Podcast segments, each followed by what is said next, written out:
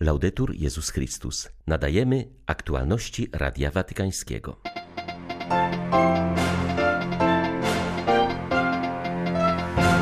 W dniu zadusznym papież zachęcał, byśmy ożywiali w sobie pragnienie nieba. Idziemy na spotkanie z Bogiem kochając, bo On jest miłością, dodał Ojciec Święty.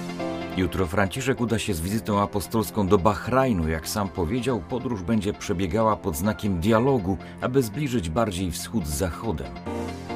Zadaniem Kościoła w Brazylii jest niwelowanie podziałów i zszywanie porozrywanej w wyniku ostrej kampanii wyborczej tkanki społecznej, uważa arcybiskup São Paulo kardynał Odilo Scherer. 2 listopada witają Państwa Krzysztof Bronk i ksiądz Krzysztof Ołdakowski. Zapraszamy na serwis informacyjny.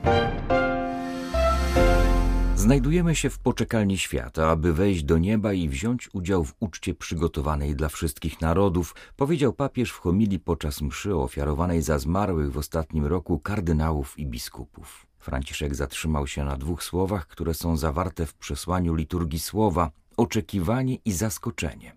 Pierwsze z nich wyraża sens życia, ponieważ niesiemy w sercu nadzieję na spotkanie z Bogiem. Ojciec Święty zaznaczył, że żyjemy w oczekiwaniu na otrzymanie dóbr tak wielkich i pięknych, że nawet nie potrafimy sobie tego wyobrazić, bo jak przypomina święty Paweł, jesteśmy dziedzicami Boga, współdziedzicami Chrystusa i oczekujemy życia wiecznego, oczekujemy odkupienia naszego ciała. Ożywiajmy nasze oczekiwanie na niebo, ćwiczmy się w naszym pragnieniu raju. Dobrze nam zrobi dziś postawienie sobie pytania, czy nasze pragnienia mają coś wspólnego z niebem ponieważ grozi nam ciągłe dążenie do rzeczy przemijających, mylenie pragnień z potrzebami przedkładanie oczekiwań wobec świata nad oczekiwanie Boga. Ale stracić z oczu to, co ważne, by gonić za wiatrem, byłoby największym życiowym błędem. Patrzmy w górę, bo jesteśmy w drodze do Najwyższego, podczas gdy to, co na dole, nie pójdzie tam w górę. Najlepsze kariery, największe sukcesy, najbardziej prestiżowe tytuły i wyróżnienia, nagromadzone bogactwa i ziemskie zyski, to wszystko zniknie w jednej chwili, a każde pokładane w nich oczekiwanie zostanie na zawsze zawiedzione. Ojciec Święty zauważył, że narażamy się często na tracenie z oczu celu podróży. Jest nim nieskończoność, do której zmierzamy i radość, dla której oddychamy. Miarą Bożego osądu będzie miłość, a kryterium oceny bezinteresowność. Jedyny sposób przygotowania na spotkanie z Bogiem w wieczności to kochać bezinteresownie, bez oczekiwania wzajemności tych, którzy są na liście Jego preferencji, tych, którzy nie mogą nam niczego dać w zamian i nas nie pociągają. Ojciec Święty ostrzegał, byśmy nie dali się zaskoczyć w nieprzyjemny sposób i byli ostrożni, by nie osładzać smaku Ewangelii. Często bowiem z powodu wygody czy komfortu mamy tendencję do łagodzenia przesłania Jezusa, rozwadniania Jego słów. Kiedy Wielka niespodzianka, zaskoczenie po stronie sprawiedliwych i niesprawiedliwych. Kiedy? Zarówno sprawiedliwi, jak i niesprawiedliwi zadają to pytanie ze zdziwieniem. Odpowiedź jest tylko jedna. To kiedy jest teraz, dzisiaj, po wyjściu z tej Eucharystii. Teraz, dzisiaj. Jest w naszych rękach, w naszych dziełach miłosierdzia, nie w wygładzonych i subtelnych analizach, nie w indywidualnych czy społecznych uzasadnieniach. W naszych rękach i my jesteśmy za to odpowiedzialni. Dziś Pan przypomina nam, że śmierć przychodzi, aby ujawniła się prawda o życiu i usuwa wszelkie okoliczności łagodzące na rzecz miłosierdzia. Bracia, siostry, nie możemy powiedzieć, że nie wiemy. Nie możemy mylić rzeczywistości piękna ze sztucznym makijażem. Ewangelia wyjaśnia, jak żyć oczekiwaniem. Idziemy na spotkanie z Bogiem, kochając, bo On jest miłością. A w dniu naszego pożegnania niespodzianka będzie radosna. Jeśli teraz pozwolimy się zaskoczyć obecnością Boga, który czeka na nas wśród ubogich i poranionych świata. Nie bójmy się tej niespodzianki. Idźmy naprzód w tym, co mówi nam Ewangelia, aby na końcu zostać osądzonymi sprawiedliwie. Bóg oczekuje od nas czułości nie w słowach, ale w czynach. Jeśli młodzi ludzie nie dbają o swe korzenie, o swe dziedzictwo, które otrzymali od swych rodzin, od swego kraju, jego historii, nigdy nie będą dojrzali i nie będą mogli poprowadzić swej ojczyzny w przyszłość. Mówił papież podczas wirtualnego spotkania ze studentami afrykańskich uniwersytetów, Trwało ono półtorej godziny. Franciszek odpowiadał na pytania, które zadawali mu młodzi Afrykańczycy. Ojciec Święty wyraził nadzieję, że w końcu uda mu się zrealizować planowaną od dawna podróż apostolską do Demokratycznej Republiki Konga i Sudanu Południowego. Miał tam przyjechać na początku lipca, jednak z powodu choroby zmuszony był odwołać wyjazd. Teraz przyznał, że warunki zdrowotne pozwalają mu już na podróżowanie, a te dwa afrykańskie kraje odwiedzi prawdopodobnie na początku lutego.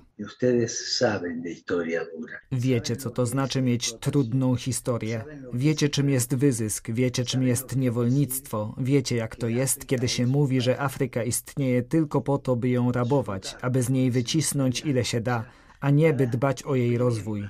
Wyznacie tę trudną historię.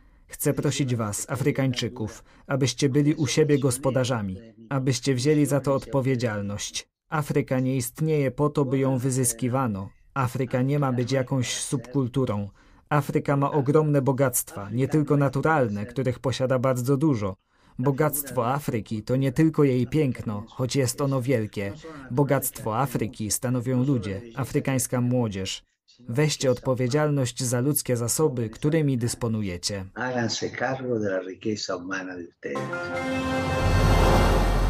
Do tego spotkania dochodzi w poważnej sytuacji światowego niepokoju, ale w centrum owego wydarzenia stoi możliwe współistnienie dobra, pokoju, pojednania, budowania godnego życia dla wszystkich. Tak o planowanym przyjeździe papieża do Bahrajnu mówi wikariusz Arabii Południowej biskup Paulo Martinelli. Hierarcha zaznacza, że Franciszek odwiedzi tam kościół imigrantów, a więc wspólnotę wielokulturową. Biskup Paul Hinder, administrator apostolski wikariatu Arabii Północnej, podkreśla wyjątkowość Bahrajnu, będącego od zawsze otwartym na inne religie.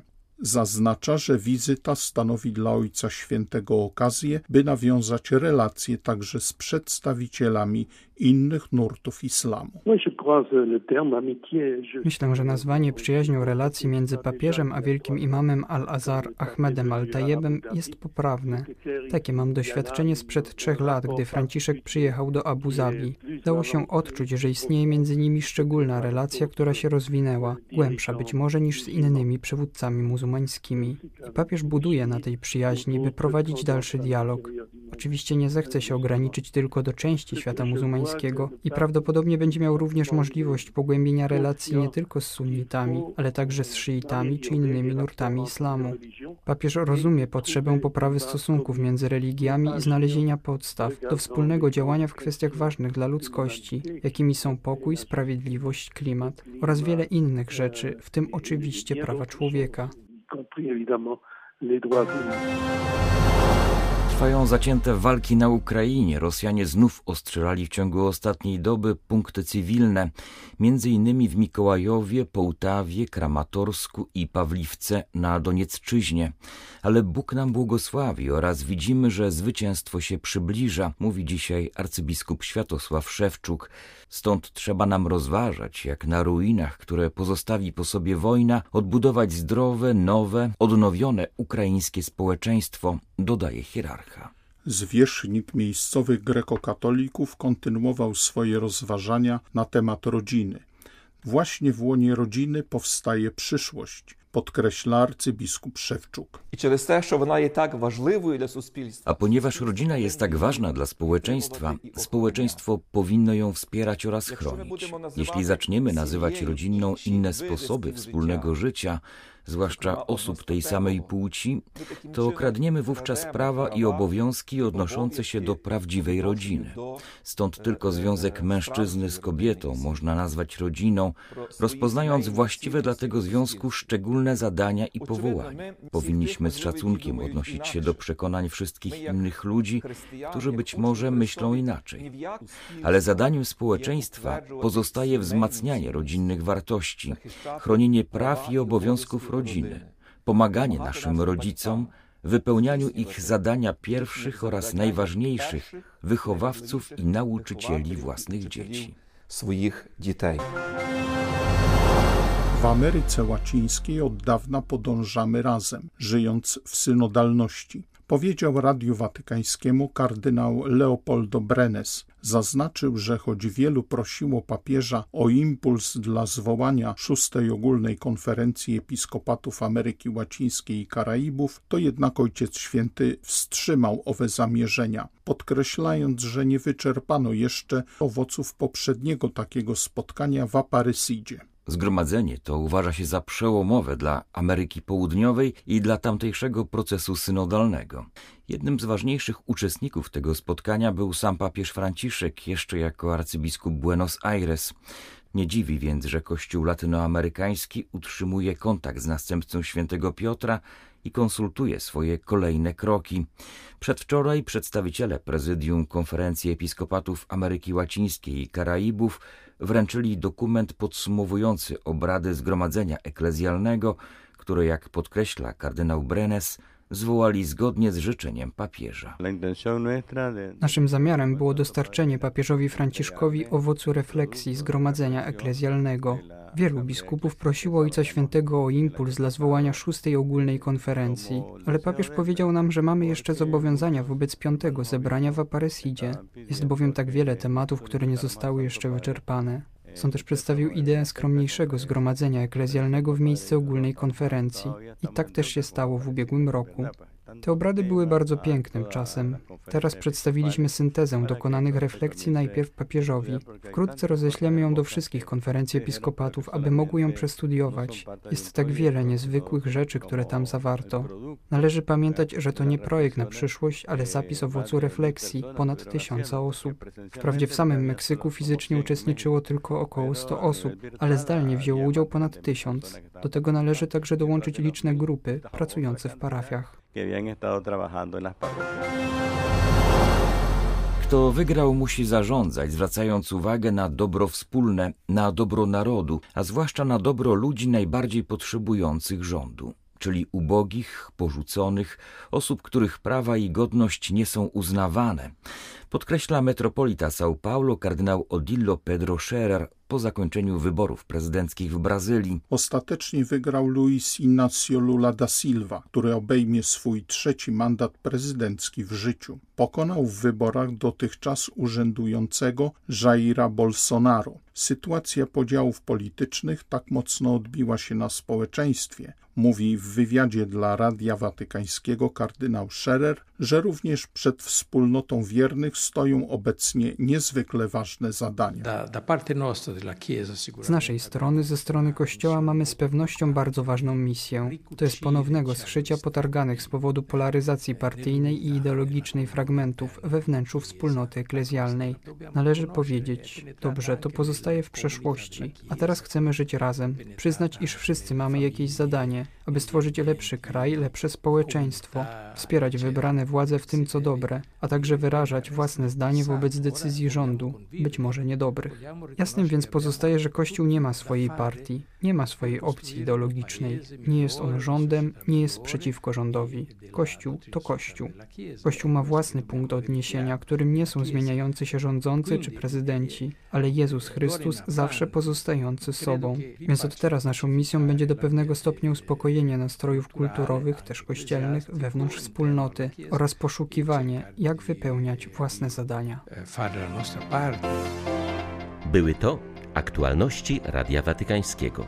Laudetur Jezus Chrystus.